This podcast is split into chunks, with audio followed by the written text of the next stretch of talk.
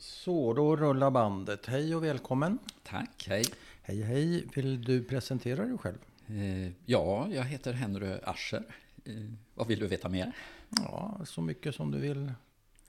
Ja, Börja med inledningsvis. eh, ja, folk brukar ju ofta vilja veta vad man jobbar med och då kan man säga att jag jobbar som barn och ungdomsläkare och eh, eh, forskare också, så jag har en kombinationsanställning mellan universitet och sjukvård.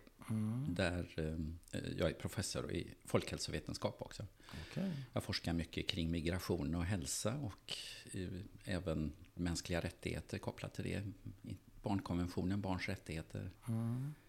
Du kanske sa institutionen, men jag kanske missade. Eh, Det är någon, eh, institutionen för medicin eh, som universitetstjänsten är kopplad till. En enhet som heter School of Public Health and Community Medicine. Men jag forskar också på forskningsenheten på Angereds närsjukhus. Som är ett specialistsjukhus som ligger i Angered i nordöstra Göteborg. Nu ska vi ju växla spår lite grann och berätta om, om dig. Och din, ja, det här var ju i och för sig, handlar ju om dig också för all del, din professionella sida. Men mer din bakgrund, din barndom och din uppväxt och så vidare. Men första frågan kanske kan vara, varför vill du göra det här? Nej, men, eh, Eller det jag- kanske du inte vill? Nej, men det är en bra fråga. Alltså, jag blev ju kontaktad av Ja, dig jag har frågat. Och, Det och, eh, eh, jag tänkte att det var spännande. Mm. Eh, jag ser lite fram emot ett spännande samtal mellan dig och mig. Och sen Mm. vet man ju aldrig om det där som man själv tycker är ett spännande samtal är intressant att lyssna på för Ja, andra. det, ja. Men jag tänker, jag gillar bra samtal. Ja. Det, som tvingar en att reflektera och fundera lite grann. Mm. Men det är klart också att jag, jag har naturligtvis funderat mycket genom livet på vad min familjehistoria och familjebakgrund eh, har för betydelse. Och, Mm. Eller vilken betydelse den har rättare sagt. Jag kan ju ha fel, men jag har en känsla av att du kanske inte jätteofta har pratat om det här offentligt. Men jag kan ju ha missat en del artiklar. Vad, vad säger du själv? Jag har sett en och annan intervju där det framgår att en eller båda av dina föräldrar var överlevare och sådär. Men inte sådär jätteofta kanske. Nej, Är, det, är det riktigt? jag har nog eh, skrivit och pratat en del om det, men inte jättemycket. Och jag tror att det hänger ihop med lite också att... Alltså, det, det finns ju en trend i att man väldigt mycket eh, viker ut sig och berättar väldigt mycket om sina egna personliga eh, svårigheter eller tillkortakommanden eller smärtor eh, och så. Och jag har väl känt ett visst motstånd mot det. Alltså, jag jobbar ju egentligen mycket med att Med lyssna själv. till andra människors Det är lite motsägelsefullt, ja, det är säga. det. Men, men jag kan också tänka ibland att i det här att bli så offentlig med det eh, är lite...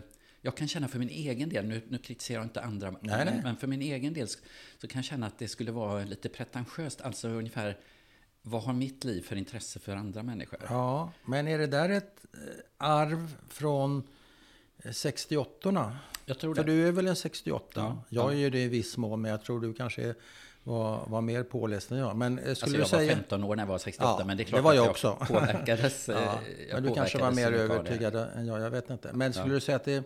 För, för då ansågs det ju eh, borgerligt och eh, ytligt och ovidkommande att hålla på och prata det privata. Sen kom det ju andra vindar för all Mm. del. Men är du trogen dem? är, Nej. är, är det kopplat så? Alltså jag tror att det spelar in. Alltså Ja. inte så att det skulle vara ytligt och borgerligt Nej, att nej, prata okej. om sig själv. Men, Nej, nej. men, men kanske just att... eh, Alltså jag kan nog tänka att det, det är lite pretentiöst. Eller kan bli lite pretentiöst. Och varför, varför ska jag... Vad har jag för rätt att liksom uppta andra människors tid för att prata om mitt eget, så att säga? Men Jag, jag pratar gärna för andra människor. Men, men i mitt eget privata liv så intressant att jag verkligen kan, kan kräva andra människor att de ska lägga tid på det. Något sånt tänkande tror jag egentligen att jag bär på. Mm, Men nu gör vi ändå det här. Absolut. Ja. Och, men, Nu ska men du vara kan jag tänka pretentiös. att min familjehistoria är mer Ja. intressant än, än mig själv. Ja, egentligen. det bestämmer du ju eh, själv. Fast, fast egentligen är det ju inte riktigt så. Därför att jag vet, jag tänker också att min familjehistoria har påverkat mig väldigt mycket. Ja, och fokus, om jag får bestämma, är ju på dig. På pojk, barnet, pojken, ungdomen Henry. Men jag är ju också införstådd med att ibland så kantrar samtalet mer åt föräldrasidan och det är helt okej. Okay. Det bestämmer mm. ju du. Men jag har ju mina önskemål. Och du får gärna styra det ja, lite grann. Vi får se. Vi får jag. Jag, jag, vet att de här gångerna som jag har skrivit om mig själv så ja. har, har, jag varit lite försiktig så ja. på något sätt. Så att, men det är, inte, alltså det är inte något principiellt så, utan du får gärna... Men var ska vi börja mm. då? Var, var känner du dig bekväm att börja? Ja, alltså jag känner mig inte obekväm i någon ända. Så du Nej, får gärna... Ska vi börja med dig? Vad, väx, vad, vad växte du upp i för hem?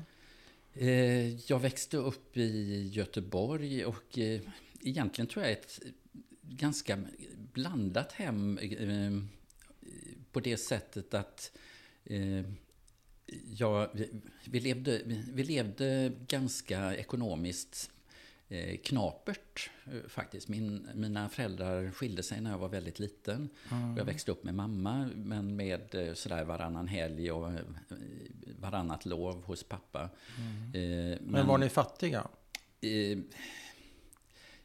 Alltså jag tror inte vi var, det, jag har svårt att veta det egentligen, men, ja. men det var inte några, det var, det var nog inte så fett liksom att vara ensamstående kvinna. Nej. Mamma yrkesarbetade och jag gick på dagis, vilket inte var så vanligt på den tiden. Det fanns inte mycket Nej. dagisplatser Nej. egentligen. Var det lekis eh, eller dagis? Nej, det var dagis. Jag började dagis. när jag var tre år eh, på ett dagis ah. faktiskt. Ah. Och det, det, då fick vi åka spårvagn och trådbuss en bit för att kunna komma till ett dagis. Det fanns nog inte så många helt Nej. enkelt för treåringar i Göteborg. Och, och vad jobbade mamma med? Mamma jobbade i, i guldsmedsaffär på Andra Långgatan. Mm. Eh, en, hos en judisk man som jag vet vad han hette, men just nu kommer jag inte riktigt på Nej, det. Men det kommer på det. Det kommer snart. Ja, eh, så att det var promenadavstånd till mitt dagis i alla fall de första ja, ja. åren. Och, sen så, och vad gjorde hon där? Var hon expedit? Ja, hon var mm. expedit. Och så hade, och så, ja, hade hon ju vårdnaden om mig och min syster. Ja. Men samtidigt så hade vi ju en annan bakgrund. Alltså mina morföräldrar som fanns i Stockholm. Eh, de hade ju varit mycket välbärgade i Berlin en gång i tiden. Eh, eh, morfar och hans pappa hade en, alltså en firma som tillverkade herrkonfektionstyger ja. som sålde på export. Ja, så det gick bra? Det gick bra. De Eh, mamma var uppväxt tror jag med, med, köksa och ja. Eh, guvernant kanske också ja. i en, en, fin lägenhet i centrala I Berlin. Berlin. Ja, ja. Och det tog slut kanske någon gång vid, vad då, 38, 39? Nej, eller? faktiskt Nej. väldigt mycket tidigare. Så, vilket eh, jag har funderat mycket över och med åren mer och mer förvånat mig över. Därför att morfar och min, min mamma och min moster kom till Sverige redan hösten 33, november ja, 33. Men i samband med maktövertagandet då? Ja, maktövertagandet var ju sista jan, januari ja, och de det. lämnade så pass tidigt. Ja, var inte det kopplat tror du? Jo, absolut. Men grejen var att, att eh, morfar, mormor, morfars föräldrar min mamma och min moster, sex personer, ja. eh, tog sig till Sverige. Ja. Eh, morfar lyckades efter ett misslyckat försök i september så lyckades han i november få uppehållstillstånd för familjen. De flyttar in sex personer i en trerumslägenhet Oj. i Lidingös enda hyreshus. Aha. Och där bodde de resten av livet. Ja. Alltså det var en enorm klassresa ja, neråt. neråt eh, och vidden av det har jag liksom inte riktigt förstått förrän i, i, i hög vuxen ålder faktiskt. Eh, och jag hade verkligen velat fråga väldigt mycket mer om vad var det som fick dem att ta det steget så oerhört tidigt. Mm. Alltså, de överlevde ju i Sverige. Var, morfar hade, han hade rest runt mycket och sålt eh, de här tygerna mm. och rest särskilt in, i Norden. Han, eh, han tyckte om att resa, han tyckte om språk. Ja. Eh, han var eh, fransk tolk i första världskriget och red ja, över tysk-franska linjerna. Ja, och tolkade, blev skjuten i foten och, skjut, foten och fick ja, järnkorset. Med, ja, järnkors. Eh, vilket han inte så aldrig pratade om. Men nej, han nej. skämdes väldigt över det. Eh, men, men jag tror att i och för sig steget att flytta till ett annat land var inte jätte, alltså det, var, det var ingen katastrof att flytta till ett annat Nej. land. Men eh, just den här enorma klassresan ja. neråt har jag Men du tror, jo, men hade de varit kvar så hade de inte ens en gång levt. Nej. Nej. Så men, bättre men att var, överleva. Men jag tänker, i hans, folk i hans situation, det var ju många ändå som hade anledning att tänka ja. att ja, men det här ordnar sig nog, det blåser över. Relativt vanligt, tyst. men det fanns de som var klarsynta ja. från dag ett. Hur det kommer sig, det är svårt att veta. Han kanske hörde dit. Ja, Eller jag- kanske någon annan i familjen som var klarsynt. Ja, jag tror att det fanns några spår. Alltså dels så eh, umgicks de mycket i kulturradikala kretsar. Ja. Alltså de gick på alla eh, teaterpremiärer med Max. Reinhardt. Och, Ja. eh, eh, jag tror att det var någon i släkten som hade ett bokförlag, Mosse bokförlag, som gav ut väldigt mycket av Mm. de stora radikala författarna. Jag vet att morfar var god vän med John Hartfield som Ja, gjorde ja, de berömda illustratören. Wow. fotomontagen. Ja. de var kompisar. De var kompisar Oj. och även... Eh, eh, nu tappar jag ett namn till här. Ja, ja. Eh, han som var väldigt eh, välkänd eh, satiriker. Grosch eller? Nej, nej, han. författare. Som, som, han som kom till Sverige och skrev en bok om Mariefred. Ja, han, han, tog väl, han tog väl livet av sig. Ja, han tog livet av sig. Och det, jag vet att Kurt morfar sa det någon gång att de visste inte om att han fanns i Sverige. De var så ledsna över detta. Så de fick ju reda på det när han begick självmord. De hade gärna velat Men de umgicks i vänster, medvetna vänsterkretsar. och Ja. De fängslades och dödades ju Ja. tidigt, Ja. många av. Så det kanske var, där kanske du har svaret.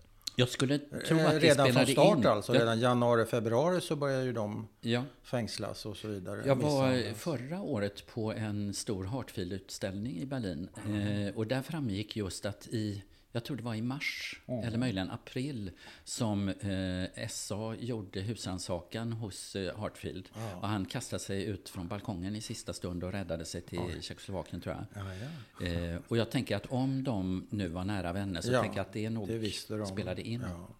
Jag har, hittat, jag har hittat också i kvarlåtenskapen eh, ett, ett brev från min mammas eh, rektor på läroverket. Hon hade börjat läroverket och det här brevet var från maj 33. Ja. Och där kallade rektorn morfar dit och, eh, för ett möte och bad att han skulle ta med sina krigsinsignier. Ja. Antagligen var det förutsättningen för att mamma skulle få gå kvar ett litet tag till i alla fall. Då. Och sen Ja, vad hittade hette jag... mamma?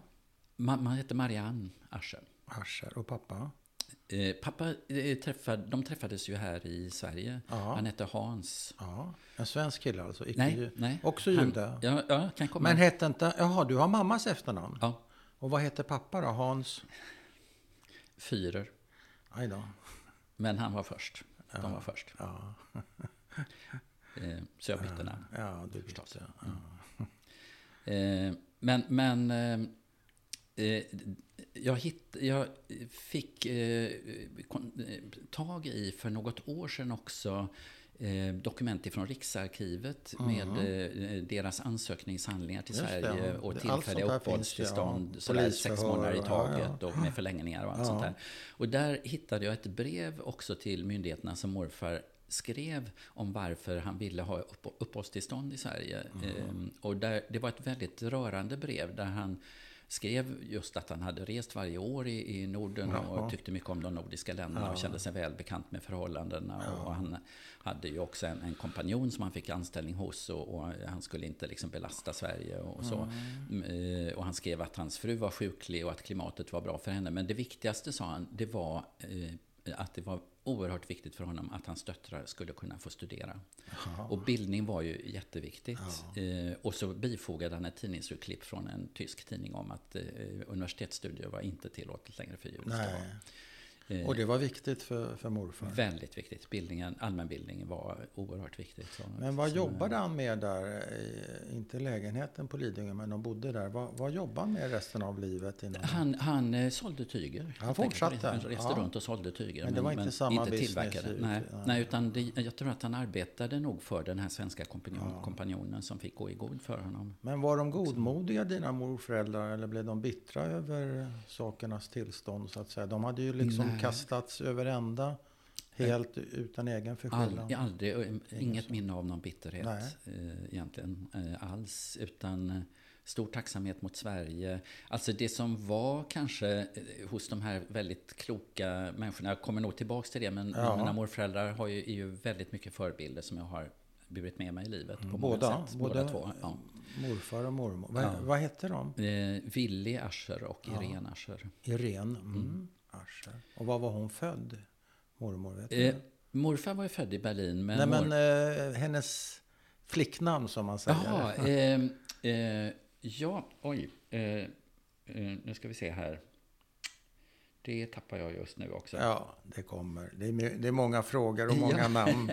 Ta det lugnt. Ta jag det har lugnt. det i huvudet någonstans. men det, det, det, får, det får ligga och ja, får ligga. vänta en liten stund. Men, ja, just det. Det är dina förebilder. Men, men låt oss ändå ta det här med mamma och pappa. Du är ju inte född då när de träffas. Nej. Men vet du någonting om hur det går till och var? Och jag tror de träffas eh, genom judiska församlingen i Stockholm. Ja. Mycket. Ja. Pappas historia är ju en helt annan historia. Jag har ju genom livet jobbat mycket med flyktingar och jag kan tänka att jag har i min familj de två diametralt motsatta flyktingberättelserna Aha, egentligen. Okay. Eh, därför, man, på många sätt kan man ju säga att mina morföräldrars berättelse är ju den ideala flykten egentligen. Man ja. vädrar faran, ja. innan någonting händer ja. så flyr man. Ja. Okej, man får man betalar ett pris för det, men, men eh, man, man klarar sig. Alltså, men det är ett sen, väldigt sen det, högt pris, tycker du inte det? Som jo, man fått betala. Ja, verkligen. Från välbärgad, respekterad ja. Eh, borgarklass kanske. Även om de var vänster så var de ju eh, ekonomiskt lät det som helt oberoende Absolut. mer eller mindre. Absolut. Och kommer liksom till en liten håla här uppe. Och, ja. Det kan ju vara väldigt tufft, men okej. Okay. Verkligen. Och sen det, hade det de slutade ju, sen, kanske sen bra. kan jag säga att de hade ju tur också. Alltså morfar som gillade Skandinavien, han ja. lät mormor välja mellan Köpenhamn, Oslo och Stockholm. Ja. Och hon drog vinstlotten. Ja. Så eh, det, det, det är liksom många slumper bakom Just att jag det. överhuvudtaget blev till, kan man ja. Säga. Okay. Min, min pappa hade då den motsatta historien egentligen. Han, han kom ifrån Österrike, en liten småstad utanför Wien. Mm. Eh, och eh, jag har för, han jag har förstått att han och familjen under ganska många år på 30-talet försökte få inresetillstånd till USA. Mm. Eh, och väntade ivrigt på detta och, mm. och, och, så, men, men lyckades inte riktigt med det. Och eh, i, i, sista stund kan man säga så fick pappa ett stipendium genom en, en, en, organisation i Uppsala som hette Internationella studenthjälpen och som hjälpte mm. många judar mm. eh, att plugga i Uppsala. Han okay. var väldigt matte och fysikintresserad ja. och han, han kom dit. Och han, kom, han reste alltså till Sverige de första septemberdagarna 39. Ja. Ja. Så han, han har inte berättat så jättemycket, men han har berättat att han hörde kanonmullret i Polen från tågfönstret. Mm. Han delade kupé med en skrävlande nazist som aldrig fattade att pappa var jude. Nej. Det var bara att hålla med liksom. Och, och så kom han till Sverige. Och, ehm, Från Wien eller var det? Ja, strax utanför Wien. Ja, eller så, det var en liten. Och så ehm, kommer han precis, eh, precis, andra världskriget har brutit ja, ut och han ja. kliver i land, så höll jag på att säga. 18 och ett halvt år gammal. I, I Stockholm eller var kommer Jag tror väl att han kom med tåg till Trelleborg kanske. Men ja, sen alltså pluggade i Uppsala. Ja, han pluggade i Uppsala. Mm. Det var det som var grejen. Ja.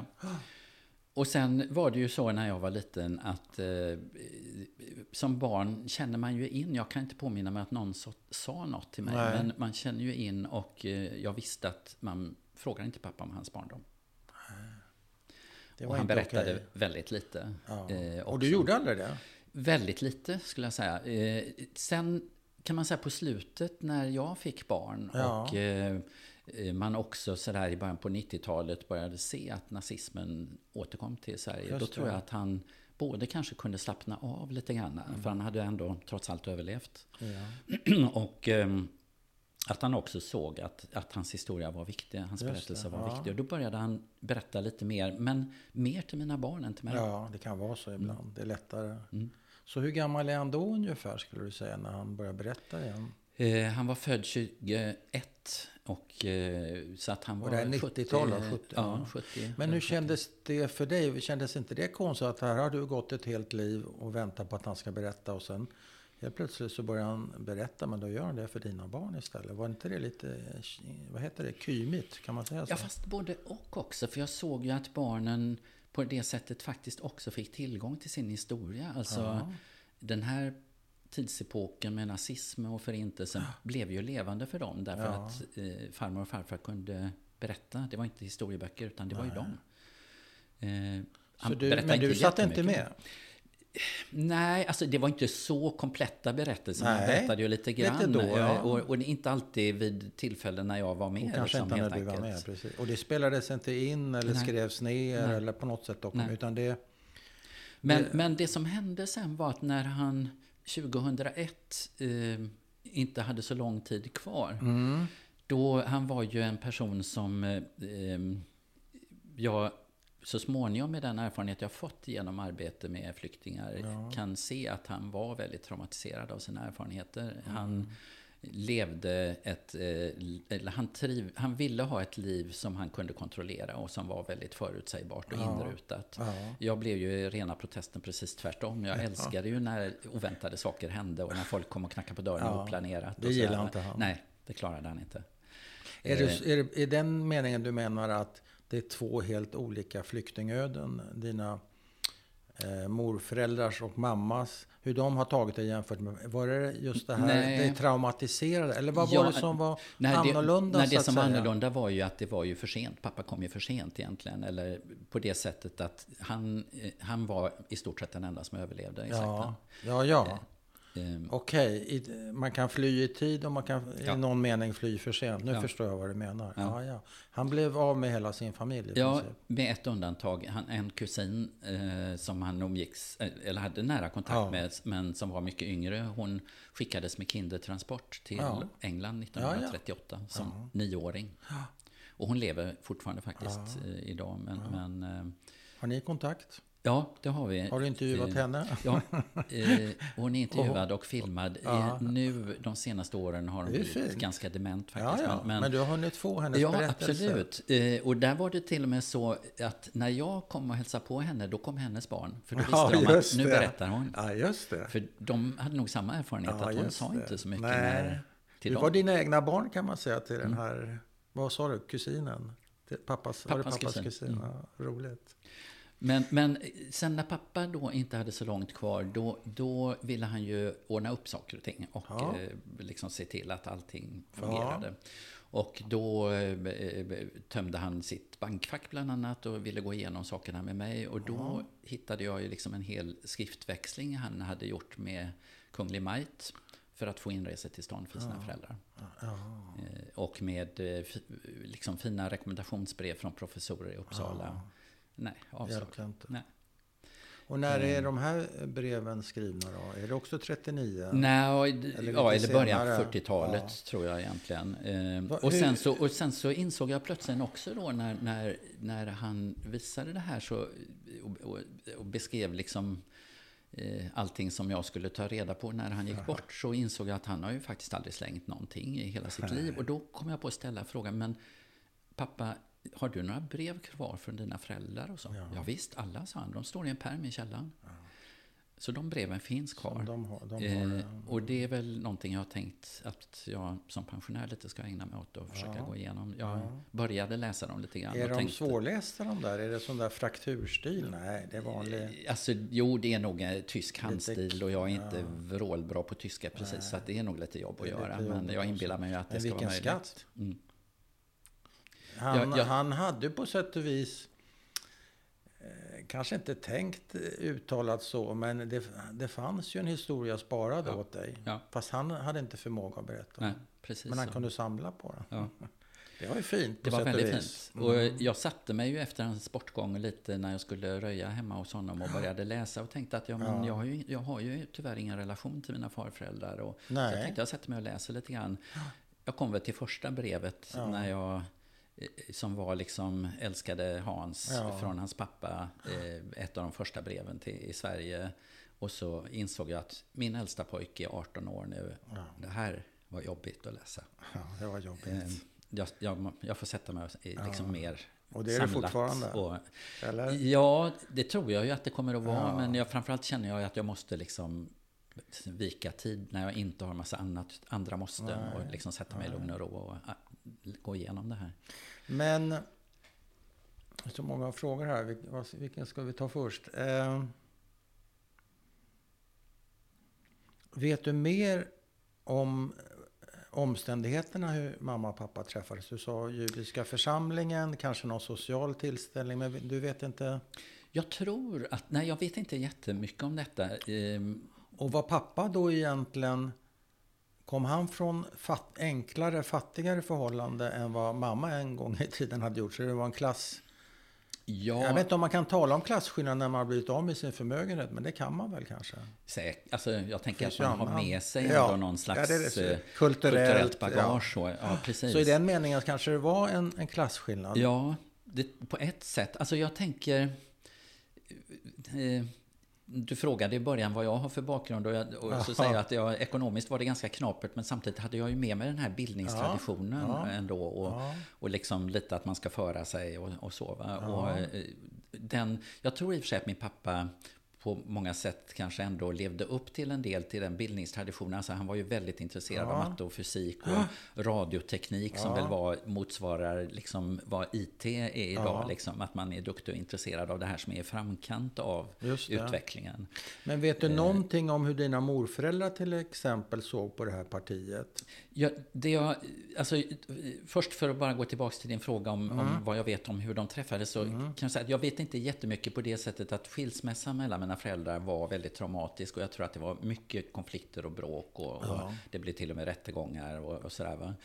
Eh, så att mamma ville ju liksom aldrig prata om det här överhuvudtaget. Men också där finns det en massa brev som jag inte heller har läst, men som finns. Det var mycket att Det forska. var mycket att gå igenom.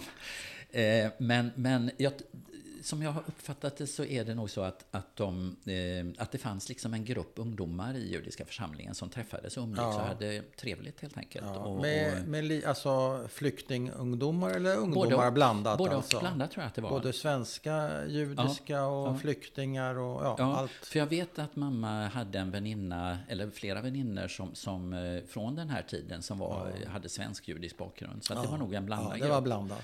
Och så Kunde väl heta att, Judiska klubben eller något sånt Ja, där kanske. och så tror jag att tycke uppstod. Ja. Och eh, att eh, jag har tänkt också sen att, alltså pappa var ju väldigt ung och jag tänker det här att bli upptagen av mammas familj Ja. och få ett par föräldrar, att det nog eh, betydde väldigt Ja. mycket för honom. Och jag, han pratade liksom alltid väldigt varmt om mina morföräldrar. Var Men, mamma- men jag vet också att mina morföräldrar tyckte att mamma gifte sig för tidigt. Ja. eh, alltså hon var för ung. mamma äldre eller var hon lika gammal? Ett år yngre. Hon var ett år yngre. Hon var 17 och ett halvt eller vadå? Eh, Om han var 18 och ett Ja, halvt eller? 30, nu vet jag inte riktigt när de Eller de gifte sig inte med en gång Nej, kanske, de gifte det. sig 43. Ja, ja. Och kanske var det in- inte 39 de Nej, träffades, nej, utan nej, 40, okej. 41. Ja. Det, det vet jag inte. Nej. Men de tyckte hon var lite ung ja. Ja, de ville nog hellre att hon skulle utbilda sig och, och liksom hinna med lite annat innan de gifte sig. Men hur gamla är de när de skiljer sig sa du? Jag trodde att de... Jag, jag har liksom hört att, de var tre, att jag var tre Ja. år när de skilde sig, alltså men? 56. Men sen såg jag i folkbokföringsuppgiften att det står 59. Men det är ju, alltså samtidigt var ju det en, en lång process just på den det, tiden. ja. Så det är möjligt att de i praktiken kanske- de separerade delar- 56 och så ja. var skilsmässan fullbordad 59. jag Var, var föddes du någonstans? Göteborg. Var? Eh, på KK1. Ja, och Med sen? en, en, en judisk väninna och bekant till familjen som barnmorska. Jaha, vad roligt.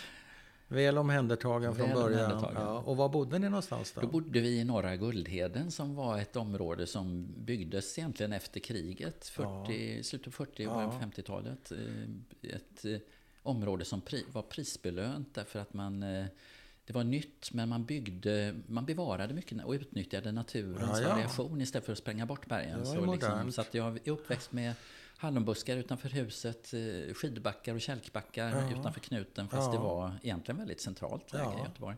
Men ändå lite lantligt så att säga, eller frilufts... Och mycket, Men hur stor var lägenheten? Den var väl eh, drygt 60 kvadrat, en trea. Ja, ja. Som vi var fyra personer i. Ja, du har en syrra också, ja. Just det. Ja. Mm. En äldre eller yngre? Fem år äldre. Fem år äldre. Har du någon minne av eh, livet så att säga fram till skilsmässan? Nej, Du är Jag ju minns, tre inte, år. jag Du minns inte att pappa var hemma Nej. faktiskt. Jag tror att han kanske jobbade också så pass länge att han kom hem så sent. Att Vad jag- jobbade han med? Han var på Chalmers eh, Ja. och undervisade mycket, tror jag, ja. kring matte, fysik. Han började tidigt med dataprogrammering. Ja. Han kanske höll sig Eh, borta? Kanske. Jag vet inte. Eller, eller om arbetsdagarna var så långa på den Ja, tiden. du vet ja, inte. nej, det, jag Nej, vet nej, jag fattar. inte. Men vad vet du om skilsmässan? Det där lät ju lite dramatiskt. Vad sa du? Poli, eh, domstols... Vad, vad Jag tror hände? att det var liksom kring vårdnaden och, Ja, ja. så. Alltså att det blev De slå- kring de men- som er? Ja, jag tror det. Och mamma fick hand om er båda? ja. Mm, vilket väl kanske var det vanliga på den tiden. Var det bra? Sett ur ditt perspektiv? Alltså, eh, ja på ett sätt, fast så här i efterhand kan jag ju se att det var mycket som inte var så bra. Kanske inte ur mitt perspektiv, men ur, ur familjens perspektiv. Min, kanske också, inte minst ur min systers perspektiv. Därför att Ja. den, den här traumatiska skilsmässan tror jag ledde till att min mamma krävde lojalitet av oss. Det var jättelätt för mig att vara lojal med mamma. Varför? Mycket svår, för att eh, ja, jag hade ju inte några större minnen av Nej. pappa. Och jag fick mycket av min bild av pappa Ja. genom mamma. Ja, ja. Men för din Eh, syster var Min det svårare? syster som var fem år äldre, Ja. hon, Hon hade en det, relation. Mm. måste det ha varit väldigt mycket svårare. Och, eh, och jag kan se så här i efterhand att jag blev väldigt favoriserad. Av er två? Ja, Du var pojke och du var lojal? Ja. Det var två och jag var plus. yngre. Och du var också. yngre, Ja. ja. Och du var söt? Ja, antagligen. Ja. Och, jag, eh, Okej. och jag, jag visste Visste nog, du det då? Eh, Alltså inte så där så jag visste att jag är favoriserad framför syrra, men, men jag, jag, jag kan ju se idag att jag var duktig på att eh, utnyttja det ändå. Ja, det är jag med. Eh, Det är väl naturligt? Ja. Har du dåligt samvete för det? Ja, ja, ja, men det har jag. Har du det? Ja, det har jag egentligen. Men, Ja, men, det jag, var inte jag du menar, som kan, hade satt upp reglerna till att börja Nej, med. och jag kan ju inse att som barn förstår man inte bättre. Nej. Men det är klart att jag, jag, jag ser ju att eh, det eh, påverkade min syster mycket. Men kan ni prata om det, du och syrran? eh, Min syster, nu är min syster död. Okej. Ehm, Men medan hon levde, kunde, ni, ehm, kunde ni reda upp det där? Alltså vi träffades inte särskilt ofta. Hon flyttade till Israel och eh, hon eh, isolerade sig mer och mer egentligen Ja. genom åren. Ja. Och, eh, så att det var svårt att upprätthålla kontakter med henne. Hon svarade inte när man ringde, hon svarade inte på brev. hade hon kontakt år, med er pappa då? Alltså så När länge, levde? så länge de levde hade hon ju det. Ja.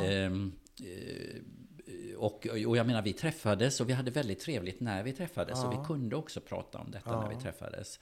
Eh, och hon, hon sa att hon, hon eh, som vuxen liksom intellektuellt förstod att jag inte Nej. kunde bättre, att jag inte förstod bättre och att hon hade förlåtit mig. Men det är klart att jag kan ju också se att det, hade påver- att det påverkade henne. Eh, Hade hon familj där? nej. Hon levde solokvist? Ja. Och ortodox. Och det är klart att vara ortodox och inte ha familj, det är ju Ja, det är inte knepigt. att vara riktigt ortodox. Det är Dels, och det är knepig- knepigt. ja. Men, eh, Hon blev ortodox där alltså? I med flytt, eller flyttade hon för att hon var ortodox? Eller? ja, egentligen tror jag. Alltså hon kom med i Benen Akiva som tonåring. Hon Ja, ja. hade nog mycket existentiella funderingar. Så Ja. hon, hon blev... Men fanns det religiös. någonting sånt i er familj? Nej, inte alls. Eh, alltså, Men det kanske var hennes protest då, eh, mot, eh, Ja. mot er mamma, tänker jag. Du, du hade dina protester mot er pappa. Ni- delade upp det lite grann däremellan er kanske? Ja, eh, ja, jag tror inte att min systers förhållande till min pappa heller var riktigt okomplicerad. Nej, och, och, ehm, s- och jag, jag, så här i efterhand kan jag se att hon, hon nog mycket eh, betedde sig som, som vuxen som det barnet som inte fick den villkorslösa kärleken utan Ja. måste liksom kämpa för Ja. att få kärleken. Fick du Och det? Ja. Du fick ja, det? Ja, det fick jag absolut. Ja, och mamma då? Ja. Pappa var inte närvarande kanske? Ni träffas ja, på alltså helgerna? Vi sådär. träffades ju. Det är klart att jag hade ju lite svårt med det här med att han, han behövde ha liksom saker så inrutat förplanerat. Blev det konflikt runt det? Ja, Det blev det? ja, det, ja, det blev det. Absolut. Berätta, det vad hände?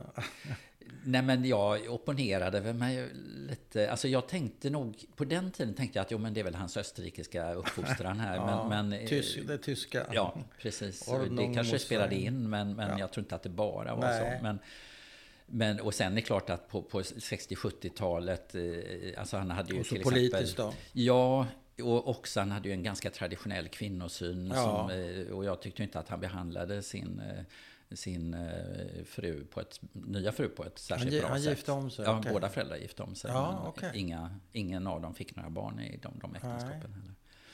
Nej, det tyckte inte om hans kvinnosyn. Det- Eh, Nej. Det la du i. Ja, det la jag mig i. Och Det är jag nog väldigt populärt.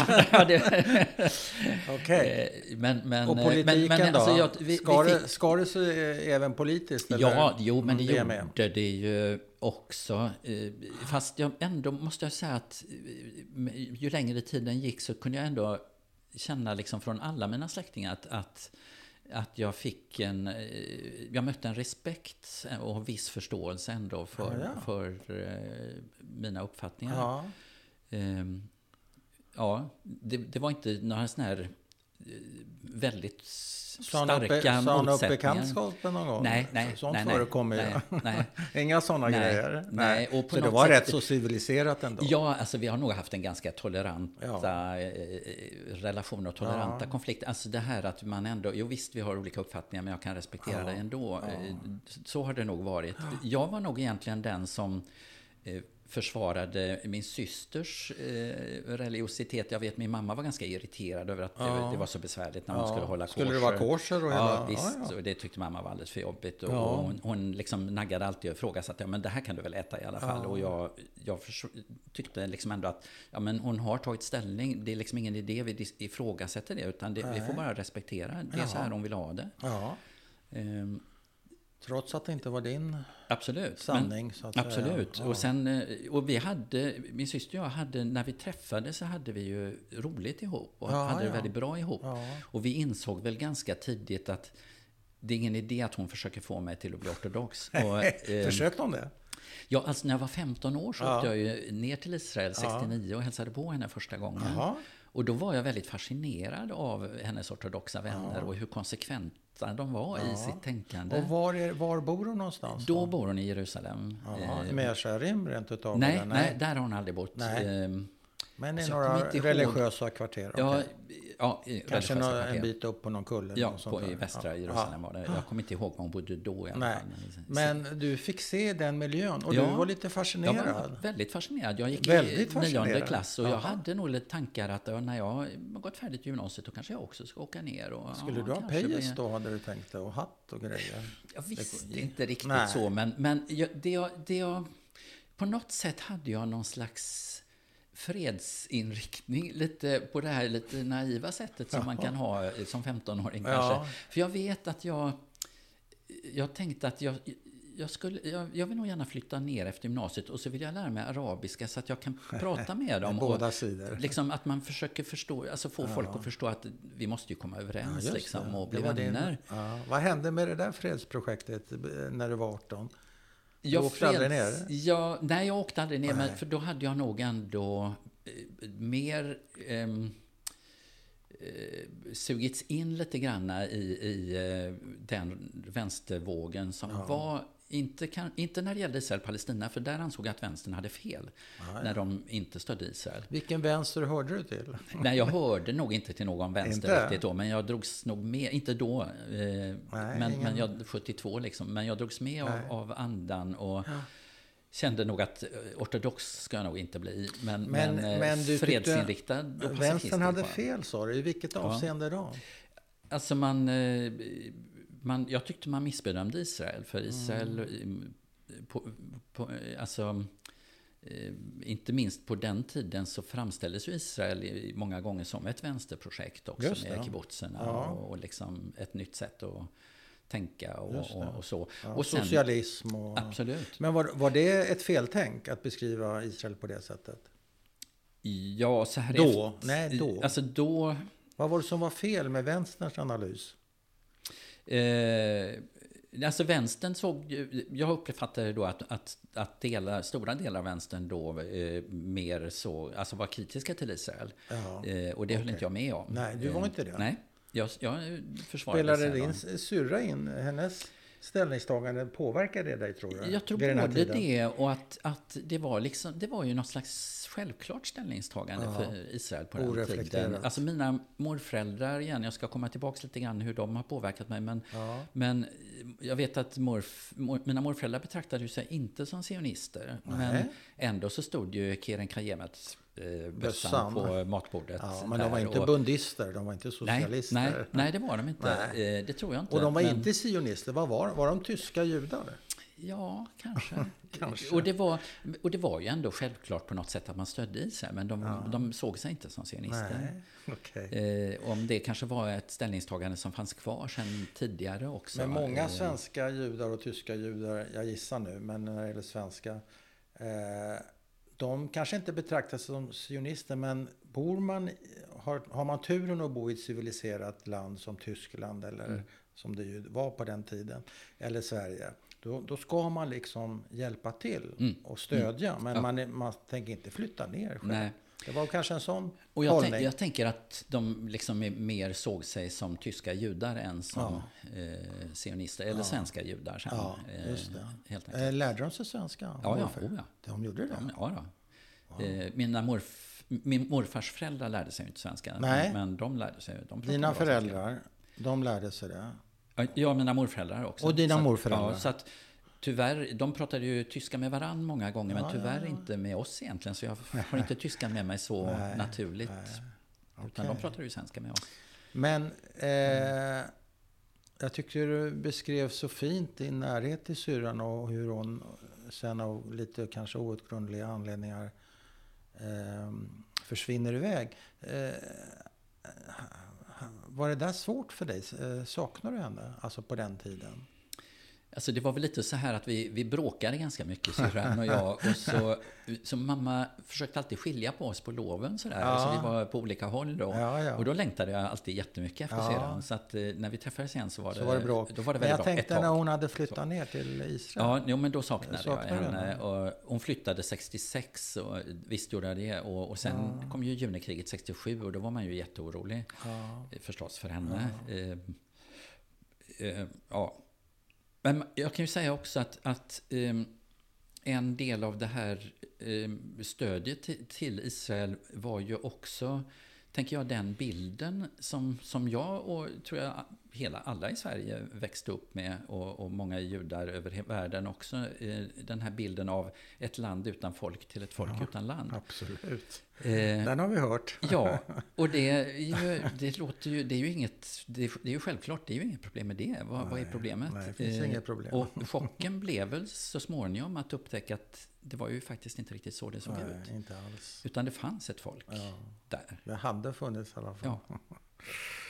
Eh, Det och, och det gjorde att det så småningom blev ganska svårt för mig det här med Mm. att, försvara Israel. Jag, jag, hade, jag, fick, alltså, jag fick svårare att argumentera emot Mm. och, och eh, det här var jätteplågsamt för mig kan jag säga. Eh, alltså din omvärdering av, Ja. av dina egna åsikter och uppfattningar och vad. Men hur tog dina föräldrar det här? Eh, alltså, i början så sa de nog inte så jättemycket. De har alltid varit väldigt uppmuntrande liksom, till allt vad jag har gjort. Ja, Så, så jag tror inte de sa sådär jättemycket, men det är klart att jag kunde ju se att det här var inte jättekul. Nej, liksom. Men, det blev inte bråk? Eller blev det det sen? jag kan inte minnas att vi Nej. hade något bråk om detta. Men, men med tiden så kunde jag nog känna eh, större och större respekt också. Och, och till och med att de kunde hålla med mig eh, till en del. Alltså lite olika så i olika perioder. Och lite Det var aldrig sådär... Men, Mamma, mamma var nog mer lojal med mig än pappa. Men, men, ja, eh, men det var aldrig att du fick höra så här, men herregud, Henry, så här kan du ju inte gå omkring på stan och sätta upp affischer och skriva artiklar. Så här, vad ska våra vänner tycka? Alltså någon typ av eh, skam Nej. så att säga inför, inför gruppen eller vad jag ska säga. Det, det var inga nej, sådana påtryckningar? Nej, nej, faktiskt inte. Och jag tror Förstår du kanske, vad jag menar? Absolut. Ja. Jag tror, jag, jag hade ju vänner som, eh, som hamnade i den situationen. Jag tror att de, för de var det mycket mer så att deras föräldrar hade, en, hade enbart ett umgänge inom församlingen Ja. eller judiska vänner Ja. och var väldigt hänvisade till det sociala livet. Medan jag tror att mina föräldrar hade mer ett blandat umgänge. Okej. Och, och, eh, Så det var lite rikare mix? Liksom. ja, jag tror det. eh, Att det kan ha spelat in. Och de måste ju ha respekterat dig något enormt. Ja, Alltså. jo, men det För tror att jag stå ut med alla dina påhitt. Ja. Nej, men från Ja. deras utgångspunkt. Ja, ja. Herregud, de har ju flytt och, och överlevt Hitler och så Absolut. kommer de eh, hit och så får de en son som har massa egna idéer. Och det som kan ju vara en påfrestning. Verkligen. Och som förälder kan jag ju idag väl, verkligen förstå Ja. min, framförallt min pappa tror jag, Ja. som, som nog led väldigt mycket av att ha ett barn på varsin sida liksom, i, i konflikten också. Ja. Eh, Det alltså, förstår det är jag inte. På Det är ju en, jag menar, det är en fysisk oro. Vadå på varsin... si- Eh, Alltså, att du och syrran hade olika politiska... Nej. Nej, jag tänker att jag vi, inte. vi i konflikten fanns på I varsin familjekonflikten? sida. Nej, i, i Israel-Palestina-konflikten tänker jag nu på. ja. Eh, alltså det var ju rent fysiskt så att jag jag åkte ju ner senare i livet och Ja. arbetade i palestinska flyktingläger som, Ja, ja. som läkare. Som läkare. Och bland annat var jag ju där 1982 när invasionen startade. Jag, var, Ja. jag var ju redan där då och så kom invasionen. Och där sitter jag i ett flyktingläger i Libanon och min syster i Jerusalem. Okej. Och det kan jag ju idag som förälder tänka att herregud, hur, hur överlevde de det som föräldrar? Ja, lätt Det, schizofrent. det tänkte man ju inte på då, Nej. i, som jag, utan det, det, alltså tänker man ju inte som ung. Liksom. Plus att det är alltid värre att följa det på parkett så att säga, via Ja. medierna än att Absolut. vara där. Ja, ja. Men det, det är en... Det är Visst. annat. Jag tänker på... Vi kan komma tillbaka till det här, men jag var lite nyfiken på en annan grej. Båda dina föräldrar gifter om sig. Och hur blir det för dig? Nej, det blev bra. Alltså, Ja, du jag var inte tyckte- svartsjuk på mammas nya gubbe? Nej, Nej. tvärtom tror jag att han... Nej, jag gillade honom jättemycket. Du gjorde det? Eh, Egentligen tror jag därför att han, han gjorde lite mer sån här eh, pojksaker än vad min pappa gjorde. Ja, egentligen. Han ja. hade bil och han kunde ta med mig på fotbollsmatcher på Ja, Ullevi och ja. lite sånt där. Liksom. Så Ja. det gjorde inte min pappa. Eh, så det, det tyckte, gillade jag och eh, min pappas fru Karin hon var också en väldigt eh, snäll och omtänksam person. Så Ja, att, eh, så det var rätt så oproblematiskt? Ja, och jag tror att båda mina föräldrar hade nog också som ett krav på en ny person att de skulle tycka om oss. Eller Ja, ja, så. att det skulle funka. Ja, så att, Kände ja. du en glädje? Jag vet inte hur gammal du är när det här hände, men kände du en glädje å mammas och pappas respektive vägnar så att ja, säga? det gjorde jag Mm. faktiskt. Ja. Hur gammal är du? Eh, Jag var eh, eh, typ, eh, vad kan jag ha varit, 8-9 år så ungefär. Ja, nio- det sker nio, ungefär samtidigt Ja, eller ungefär någon, något samtidigt. år hit eller Ja. dit. Ja. Något år emellan. Ja. Är det en tillfällighet tror du? Jag vet inte. Nej, men jag tror att de båda ville nog ha en, en relation. Det tror jag nog. Och det, det blev bra eh, Ja. för dem och det blev bra för dig. Ja. Det är ju fantastiskt. Ja. ja. Hade du... Jag har väl delvis pratat om det. eh, Det är alltid kul och... kul. Eh, tonårsuppror. Och det har vi väl kanske varit inne på. Eller hur ser du på eh, Henry Aschers tonårsuppror? finns det något sånt? Och vad, är det det vi har snackat om? Eller finns det andra sidor? Du, du har beskrivit flera gånger pappas, eh, att han är traumatiserad och lite sådär muss sein eh, skadad eller. Vad sa du? Jag försöker prata tyska. Ordnung muss sein. Ja, jag, ja. jag kan inte ens. Alltså- Nej men att han var väldigt ordningsam så. Eh, Jag tror att han ville ha kontroll. Ja, han kände, han, han behövde ha kontroll över ett liv som saknade kontroll helt enkelt. Såklart. Mm. Och det här ser jag ju är vanligt hos traumatiserade människor. Ja. Vi har ju framför oss här på bordet Maus. boken Maus. ja, just det. jag eh, la fram den. För, Eh, jag minns när den skulle komma ut. Man skrev i tidningen om att eh, nu kommer en bok eh, där, om förintelsen i serieform Ja, och där, där, där eh, judar i möss och avbildas som möss och nazisterna som grisar och, och polackerna som katter. Det här lät ju inte klokt. Det lät ju fullständigt förfärligt. Ja. Fruktansvärt. Och sen kom böckerna, först en och, och sen en till. Och Mm. så läste jag dem. Eh, och tyckte att, eh, och tycker fortfarande att det är en av de bästa skildringar som finns om eh, överlevandets smärta. Och det, av det, en judisk serietecknare väl? Ja. Och, det- och alltså det intressanta är att alla mina tre barn har, eh, sådär, när de har kommit i 9-10 års åldern, så har de hittat den här boken hemma. Och eftersom det är serie så har de börjat Ja. läsa den. Ja. Och alla tre har oberoende av varandra efteråt sagt, men vad lik pappan, eh, farfar han är. Alltså huvudpersonen, Ja, eh, serietecknarens pappa i boken, Ja. är så lik farfar. deras farfar. Ja, min pappa. I sin... I sin Eh, personlighet. personlighet alltså. alltså. kan Oj. växla mellan otroligt charmig, jättehärlig person och Ja. ibland fullständigt odräglig och hopplös och lynnig. Liksom. eh, det är någonting tror jag som Spiegelman har fångat där Ja. i, i överlevandets smärta Ja, och, och det, svårigheter. det uppfattade även dina barn Ja, alltså, eller era faktiskt. barn. Men berätta mer om de där humörväxlingarna. Hur ofta kom de och hur snabbt kom de och, och så vidare. Hur gammal är du när du upplevde ditt första minne av det där? Eh, oj. Ja, det är svårt att säga. Ja, det är jag svårt att säga. säga. på detta, Nej, det är svårt Men, att säga. Alltså till en del var jag nog också en rätt envis, ett rätt envist barn. Och lite grann tror jag också att jag var präglad av, att jag hade liksom tagit in min mammas negativa bild av pappa. Ja, ja. Ehm, eh, Så att jag tror så här i efterhand att jag nog kunde vara ganska provocerande som i 8, 9, 10 års ålder Ja. och rätt påfrestande. Ja. Och då ibland så hanterade han nog inte riktigt det utan Nej. blev ganska arg på mig. Men det var en provokation, ja. Ja, men det är klart, det jag räknas ju det. ändå. Men det, det kunde jag, han... Jag tror det. Det var- Stubintråden var kort, så att säga. Ja, ja. Eller? Ja, och sen är det klart att när han inte hade kontroll över situationen Ja. så, så var, kunde det vara besvärligt. Vi har en sån här rolig eh, historia i familjen om eh, eh, fotborsten. alltså det är så här att när man ska åka och bada Ja. då måste man ha packat ner all utrustning. Ja. Och en viktig del i det här är fotborsten så man kan borsta sanden av fötterna. Ja. Och, alltså bada på stranden, på stranden, pratar vi om på stranden, Okej. ja. Jaha, okej. Eh, Fotborste, Ja, all right. Och, och det, vi, vi har liksom ett sånt här minne av när, när hans fru då, som ju var den som skulle packa ihop sakerna Ja. åt honom då, eh, inte hittade fotborsten. Nej. Och då blev det ju katastrof. Då kan man inte åka och bada utan fotborste. Det går inte liksom.